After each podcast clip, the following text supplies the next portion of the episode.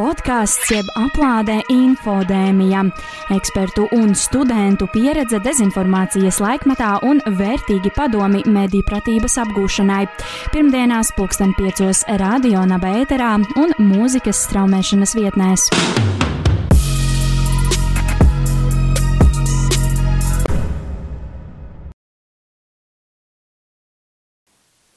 Esiet sveicināti podkāstu infodēmija 20. epizodē. Mums šodien ir nākamie svētki. Iepriekšējā svētki mums bija ar 10. epizodi, šodien 20. un tad jau pavisam drīz būs arī 30. kur mēs pačukstēsim priekšā, gan jau izskatās, ka būs noslēguma epizode, bet nedomājot par neko tik ļoti drūmu kā podkāstu infodēmiju noslēgumu, šodien tad mums ir saruna ar Niku Aleksējevu. Labdien! Labdien! Varbūt jūs varētu sākumā nedaudz iepazīstināt ar sevi un pastāstīt klausītājiem, ar ko tad jūs nodarbojaties. Jā, sveiki visiem! Man ir divas cepures, kuras es valkāju atkarībā no tā, nu, ka, ka kur ir noderīgāka. Mana pirmā cepura, ko jūs jau minējāt, ir datu žurnālistika, datu pratība, datu vizualizācija, ar to es nodarbojos kopš 2013. gada, kad biju daļa no Infogram komandas. Infogram ir datu vizualizācijas rīks, bet 16. gadā mēs Latvijā nodibinājām organizāciju Datu skola, un tās ietveros rīkojam dažādas datu pratības, meistarklases, projektus un tā tālāk. Mana otra cepura ir digitālā izmeklēšana, un tās ietvaros es strādāju ar dezinformācijas pētīšanu Baltijas valstīs. Es to daru um, Amerikā bāzētam analītiskajam centram Atlantic Council, tā projektam uh, digitālās izpētes laboratorija, angļuiski skan Digital Forensic Research Lab. Ar to nodarbojos jau četrus uh, gadus, un mēs izmantojam um, faktiski dažādus pavadienus, ko varam atrast eh, digitālajā telpā, kas mums ļauj uzzināt kaut ko vairāk par to, kā tas, kā, kāda kampaņa, kāds stāsts, kāds notikums izskatās nu, no pirmā acu uzmetiena. Mēs um, strādājam ar demokrātijas tēmām, piemēram, vēlēšanām, vai notiek kāda manipulācija, vēlēšanu um, siržu un, un prātu, um, tā teikt, uh, ietekmēšana. Strādājam arī ar drošības tēmu.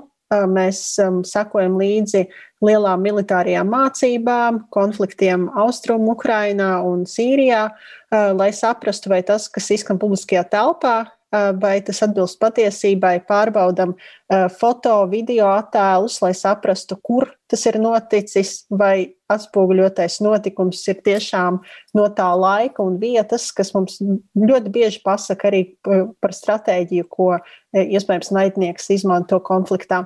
Un um, trešā uh, lielā tēma, ar kuru mēs strādājam, ir tehnoloģijas, kā tās ietekmē mūsu komunikāciju digitālajā telpā, uh, kā ar to palīdzību tiek uh, izplatīta, piemēram, dezinformācija, vai um, kā algoritmi izvēlas, kuru informāciju, kurai informācijai dot priekšroku, un kā tas ietekmē nu, tālāk notikumus sabiedrībā. Tā tad jā, diezgan plašs profils man sanāk.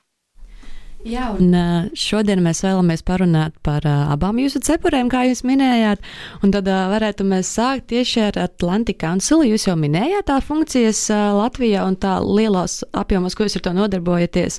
Bet Varbūt jūs varat pastāstīt nedaudz sīkāk. Nu, teiksim, ja jūs identificējat viltus ziņas un dezinformāciju, tad, teiksim, vai jūs meklējat arī to pirmavotu vai kaut kādus slēptus iemeslus, kādēļ konkrētais saturs radies un kurš ir to radījis, un varbūt jūs varat arī minēt kādas tavs iemeslus un situācijas.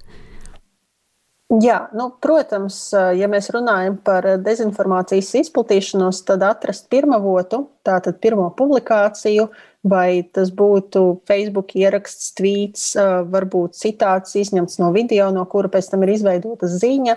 Tālāk nostrādā klusais telefons, šo ziņu nedaudz vienkāršo vai piepušķo, un tālāk jau aiziet virsraksti, kas cilvēkos nu, rada tādu maldīgu iespaidu. Um, Mēs nepievēršam uzmanību jebkatram, jebkuram šādam gadījumam, protams, un mēs skatāmies uz tiem gadījumiem, kas varētu atstāt kādas sekas.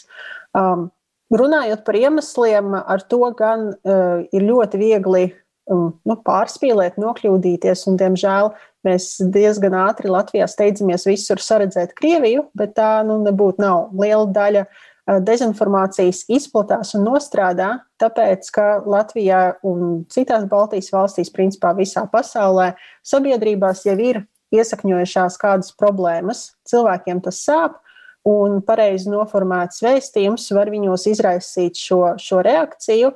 Um, dažiem no tiem noticēt uh, šim maldīgajam vēstījumam, citiem varbūt ignorēt pašu vēstījumu, bet runāt par problēmu plašāk. Tas pievērš algoritmu uzmanību, un šī ziņa izplatās. Protams, mēs nevaram runāt tikai par um, viltus uh, medijiem. Um, mums ir jārunā arī par sociālajiem tīkliem. Uh, jāskatās abas šīs, šīs vides. Un, um, nu, runājot par piemēriem, varbūt viens tāds piemērs, kur Radio Baltkom ēterā um, Latvijas-Krievu uh, Savienības um, biedrs, politiķis, kurš tagad ir Eiropas parlamentā, parlamentā Mitrofānos, izteicās, nu, un bija runa par uh, krievu valodu Latvijas skolās. Viņš izteicās, nu, tad jau drīz uh, arī krieviski nevarēs runāt gaitiņos ka, ka šī valoda būs aizliegta un varbūt arī par to jau sodīs.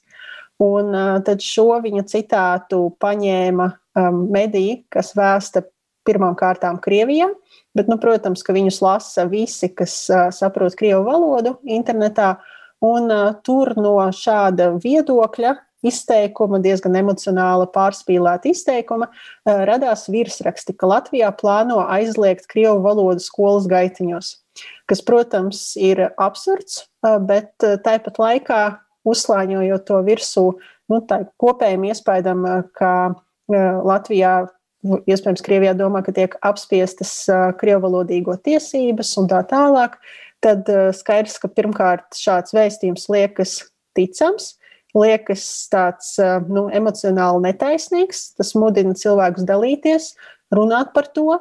Un, protams, ka tam pamatā ir šis iesakņojies jautājums par krievu valodas lomu Latvijas sabiedrībā.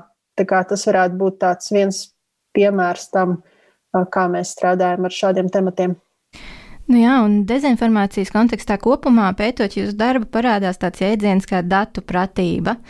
Varbūt jūs varētu pastāstīt mazliet vairāk, ko tas īsti nozīmē, un arī par to, kāda ir tā aktualitāte tieši šobrīd. Jā, dati ir aizvien vairāk pieejami gan Latvijā, gan visā pasaulē. Ko mēs ar to domājam? Tātad no vienas puses valdības atver datus, tie kļūst atvērti, pieejami. Tas nozīmē, ka, ja mums ir kāds jautājums, piemēram, vai šīs Rīgas rajons ir drošs, mēs varam atvērt atvērto datu tabulu, ko ir publicējusi iekšlietu ministrija ar noziegumiem. Tur ir arī šo noziegumu vietas, notikuma vieta, un varam uztaisīt, piemēram, karti, kur var redzēt, kura ir tā mm, nu, krimināliem notikumiem bagātākā vieta Rīgā, piemēram.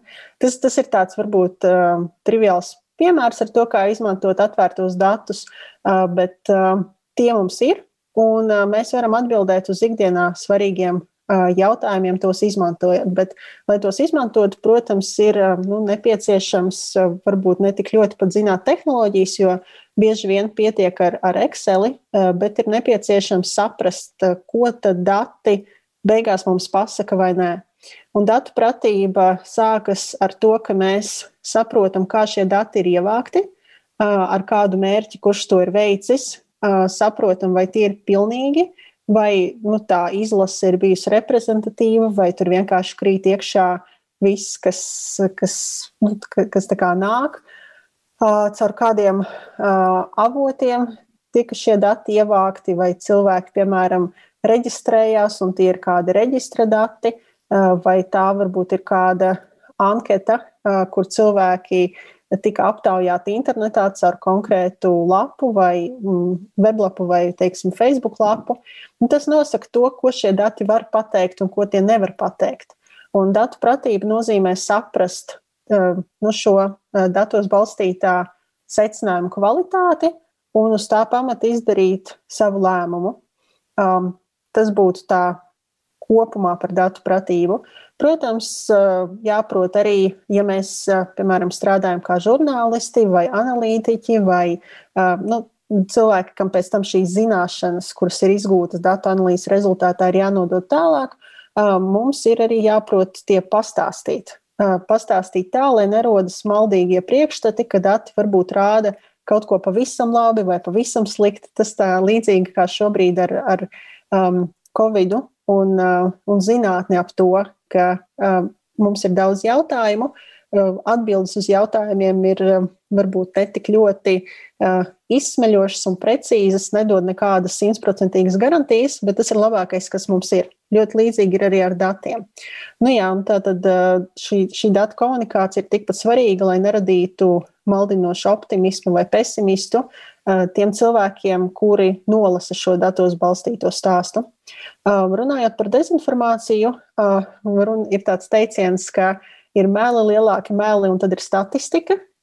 Jā, dati izklausās uzticami, bet ne katri dati ir nu, taisnība. Tāpēc, kā jau es teicu, ir jāizvērtē, kas ir šis datu avots un vai tam var ticēt.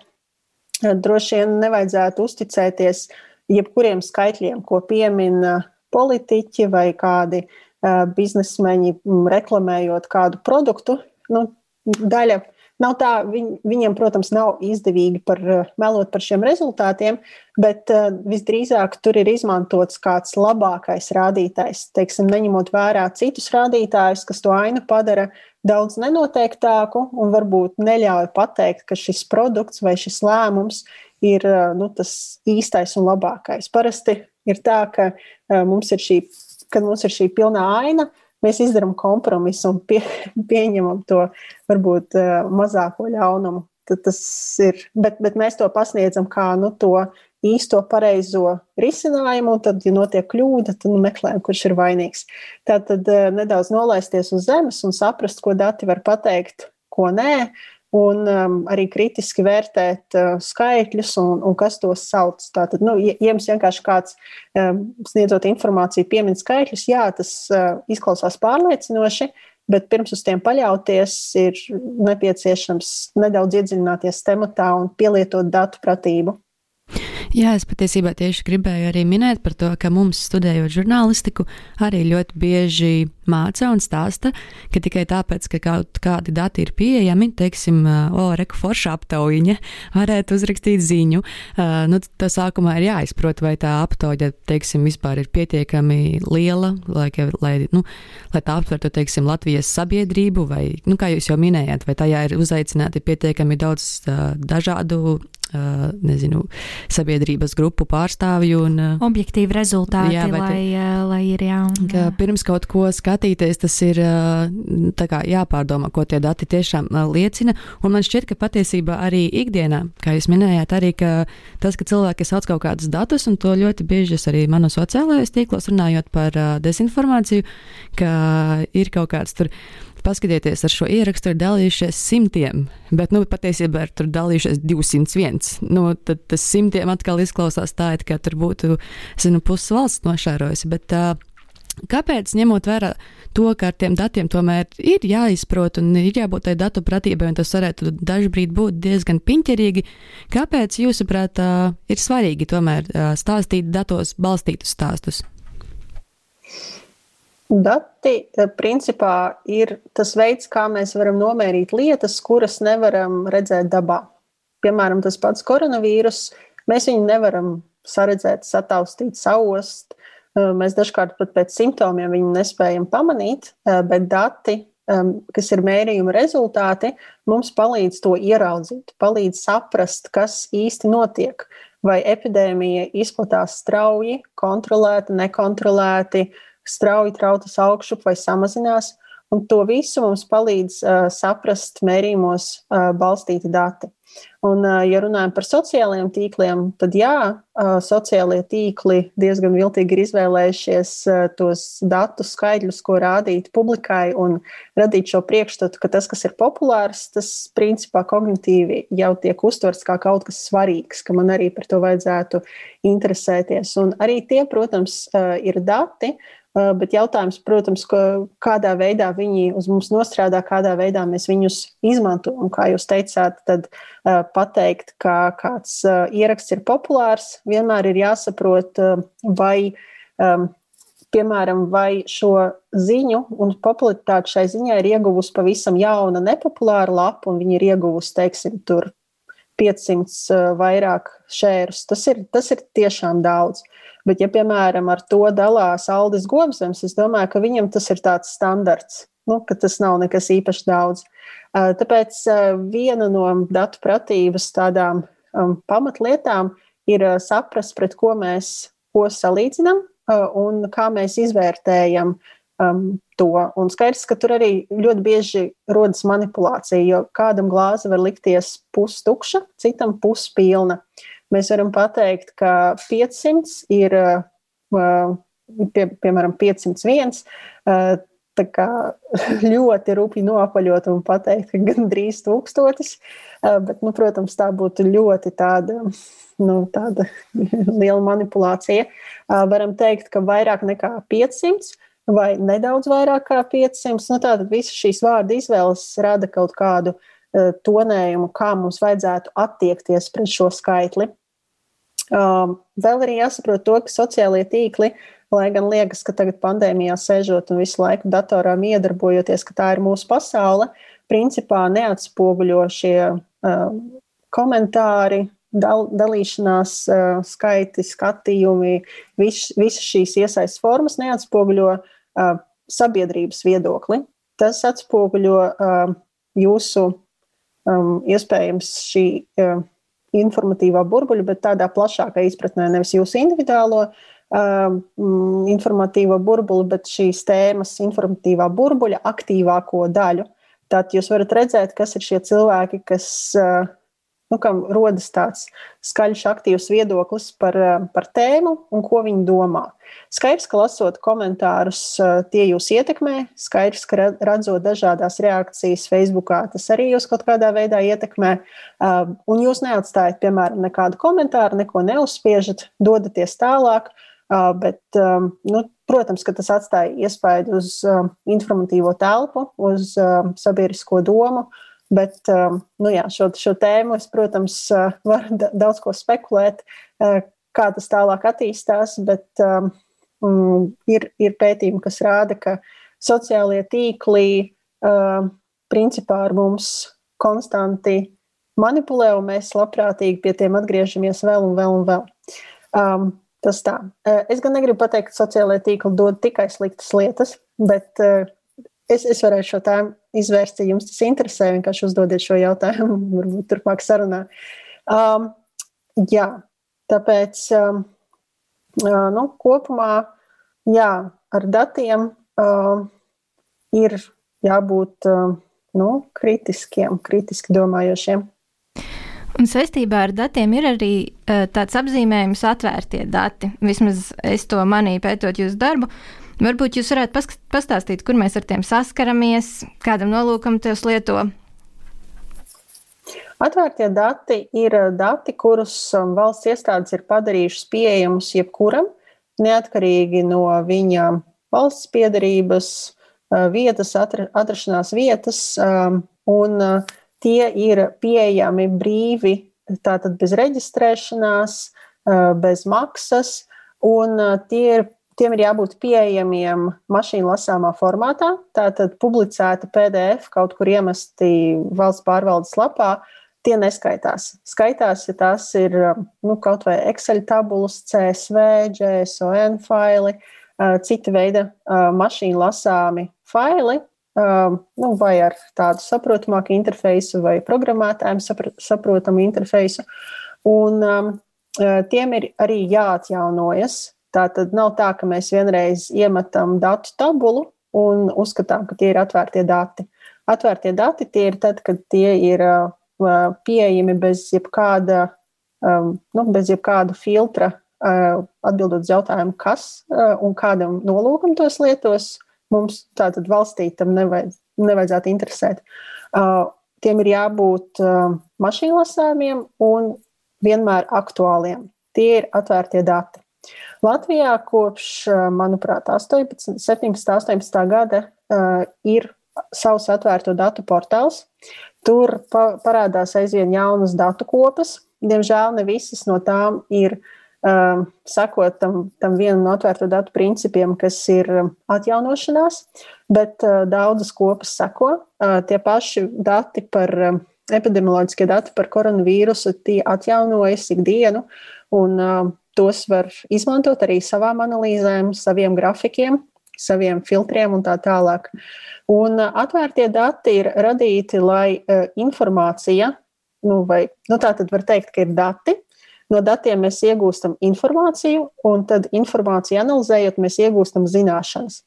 Tad, lai dati, kas vēlāk pārvēršas zināšanās, ir pieejami un tos kontrolē ne tikai valdības, kas jau tos ir ievākušas ar eh, sabiedrības palīdzību, izmantojot sabiedrības finanšu līdzekļus par sabiedrību, bet lai arī pati sabiedrība uzreiz tos var izmantot un neatkarīgi no tā, kādu secinājumu ir veicis kāds valsts iestādē strādājošs analītiķis, katrs cilvēks varētu pieņemt nu, savus šajos datos balstītus lēmumus.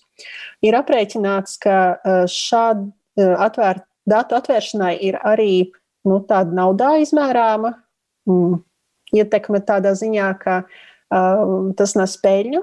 Uh, no vienas puses mēs varam runāt, ka vienkārši ietaupās nauda šajā te uh, informācijas apritē, ka parasti iestādes, kuras ir uh, nu, dažādās nozarēs, piemēram, aizsardzības nozare un uh, kultūras nozare, piemēram, ja viņiem vajag datus vienai no otras, viņi rakstītu ēpastu vai taisītu kādu pieprasījumu, tad kāds cilvēks atsevišķā laikā, varbūt pat par atsevišķu samaksu šos datus gatavotu, iedotu un tā tālāk.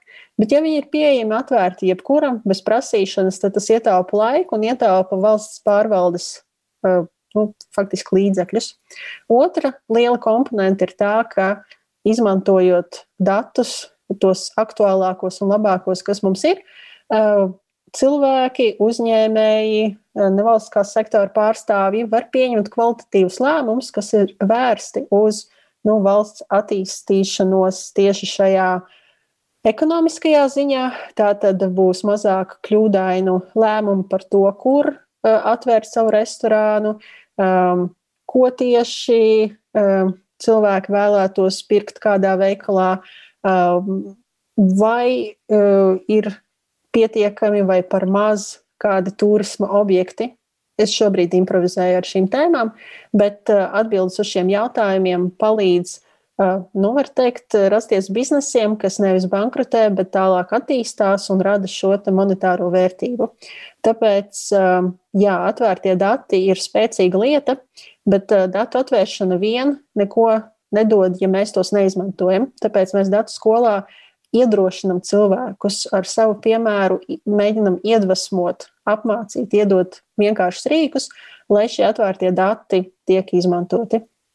Jā, kā jūs jau minējāt, ka viņi netiek, nevienmēr tiek izmantoti, un arī es tā iedomājos, ka sabiedrība kopumā jau tādus lielus datu apjomus ikdienā neskatās vai neredz, bet pārsvarā ja tā var drīkst teikt, tad sociālajos medijos un vispār arī medijos tiek izmantotas datu vizualizācijas, teiksim, kas ir infografikas vai kaut kas tam līdzīgs.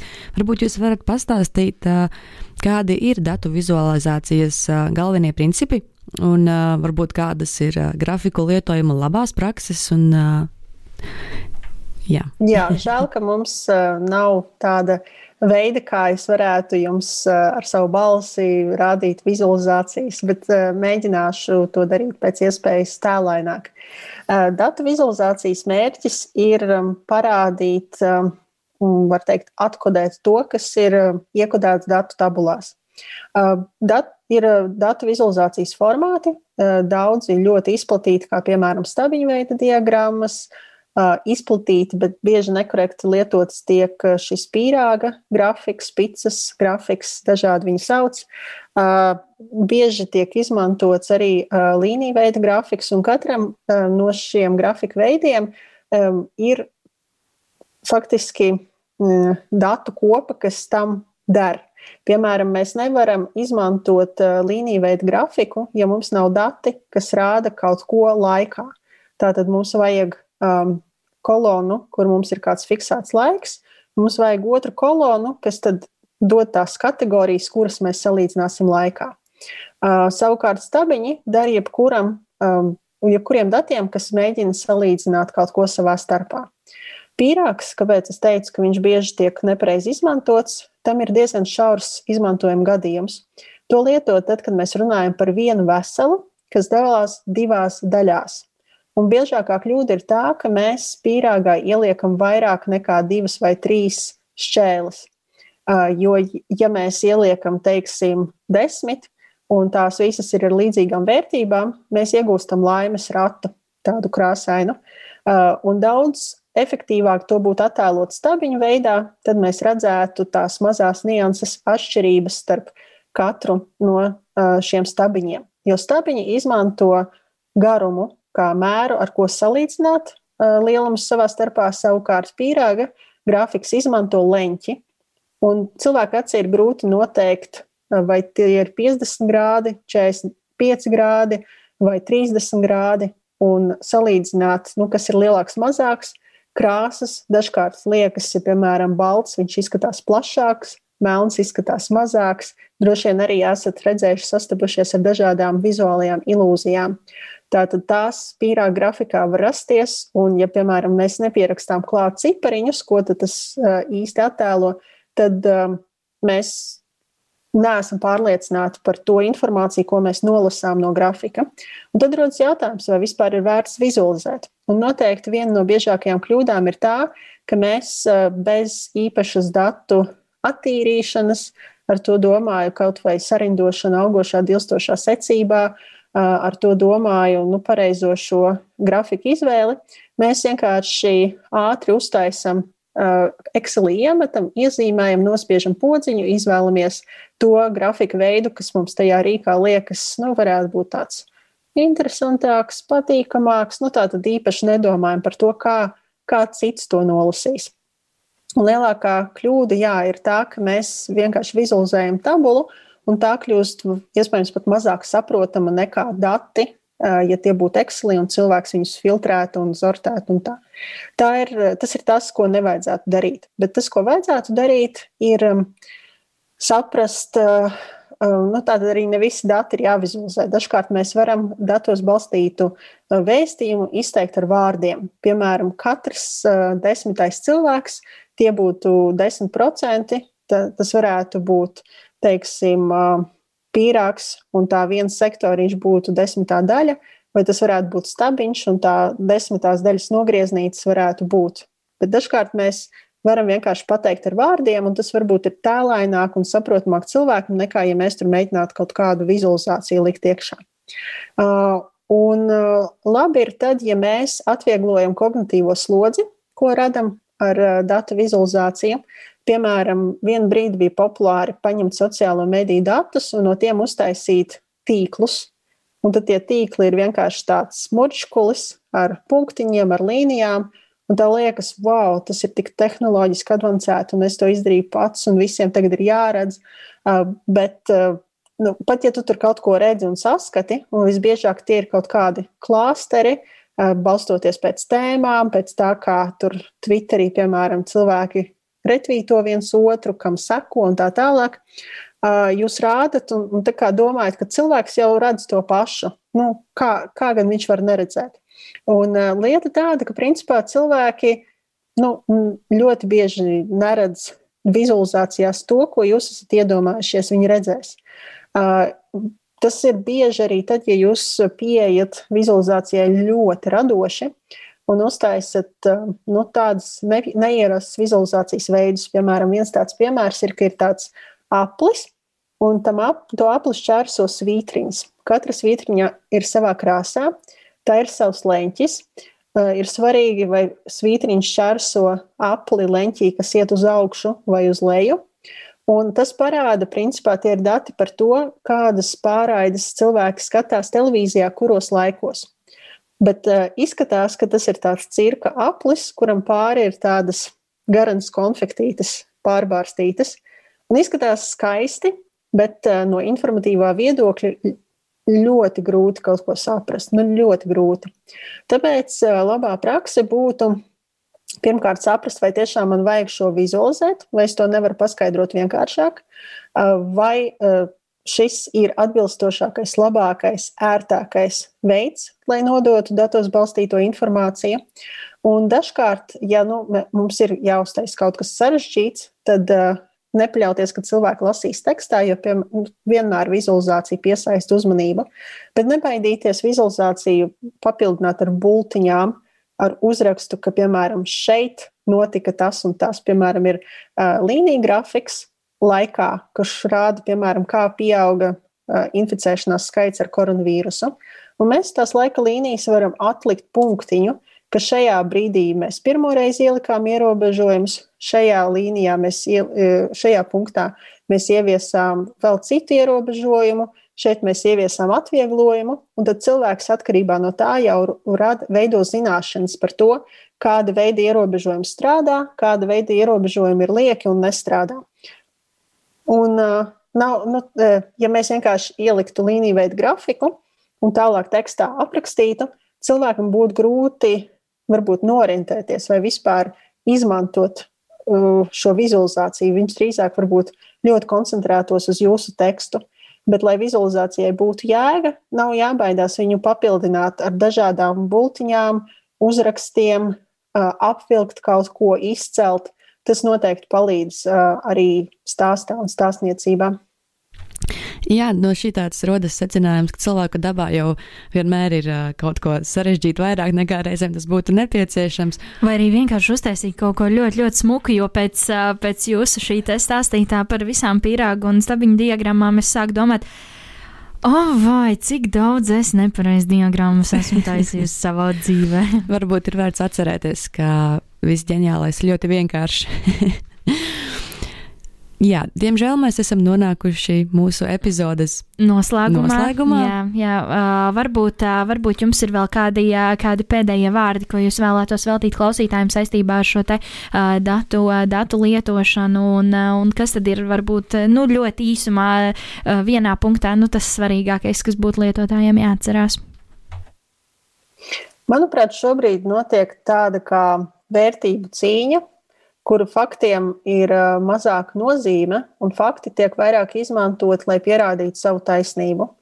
Un, manuprāt, tas ir solis atpakaļ mūsu nu, intelektuālajā attīstībā, sabiedrības līmenī, kur mēs um, gribam aizstāvēt savu taisnību, um, saglabāt savu seju, pierādot, ka mums ir bijusi taisnība, ka mēs esam tie gudrākie un tie citi vienkārši neko nesaprot. Um, Tāpat maltīgs ir uzskats, ka fakti vien uh, spēj kaut ko mainīt un kādu pārliecināt. Ja jūs palasīsiet Facebook komentārus, tad nav svarīgi, vai jūs liksiet kādus atsauces uz datiem, uz faktiem, pierādījumiem. Svarīgi ir, ko jūs ar to vēlaties pateikt. Un, tātad fakti vieni paši nenostrādās, bet šis emocionālais vēstījums, ko jūs sakāt kopā ar tiem, tas gan.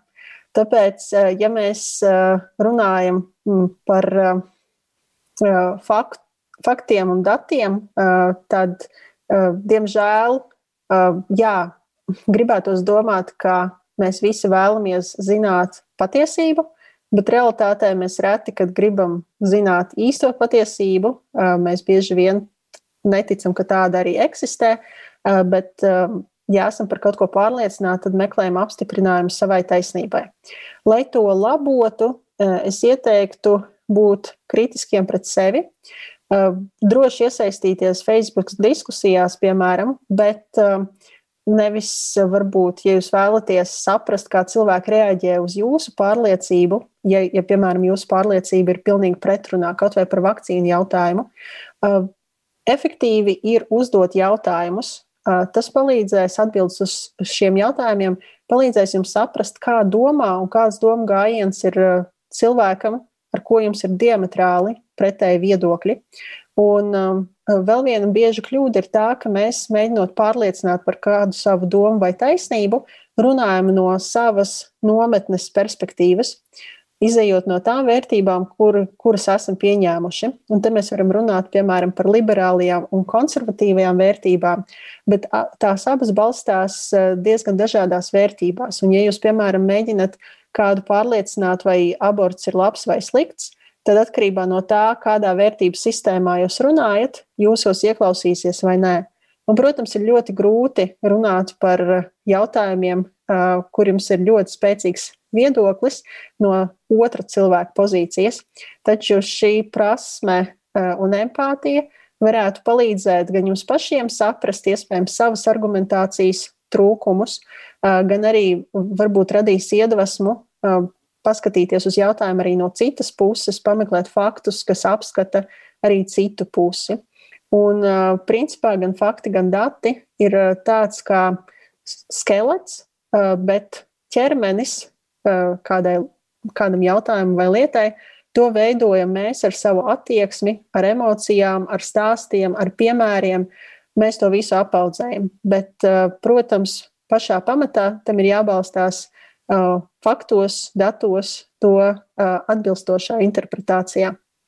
Jā, mēs par, eh, par kritisko domāšanu un par eh, ļoti uzmanīgu arī savu viedokļu izteikšanu un, eh, un, un, un tomēr balstoties uz faktiem par, par visu šo arī esam jau iepriekš konkrētāk runājuši infodēmijā epizodēs. Ja, ja klausītājiem interesē kāds, kāda no šīm tēmām, droši paskatieties mūsu podkāstu infodēmijā vai no LSM arhīvā, jo mēs arī skanam katru pirmdienu pulksteni piecos radio nabētrā, vai arī meklējiet mūsu Spotify, kurš man, manuprāt, jau tagad ir eh, ļoti liela populāra straumēšanas vietne, kurā tad uh, cilvēki, kurā arī jūs klausītāji mēdzat uh, iespējams visbiežāk klausīties podkāstus. Uh, un tad ar šo arī noslēdzam podkāstā Infodēmija 20.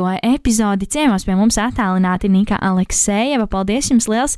Un jā, man, man laikam vispilgtāk atmiņā paliks šie te, šie te grafiki un, un, un, un cik ļoti vizuālam materiālam ir jāpievērš uzmanība, kad tiek atspoguļoti dati. Paldies jums, Nika, un teikšu arī tā no mums podkāstu infodēmijas komandas, un tiekamies tad jau nākamajā epizodē, vai ne tā? Atā! Atā! Atā.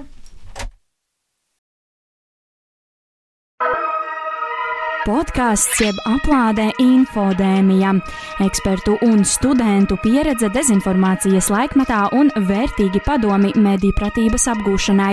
Pirmdienās pulksten piecos radio naba ēterā un mūzikas straumēšanas vietnēs.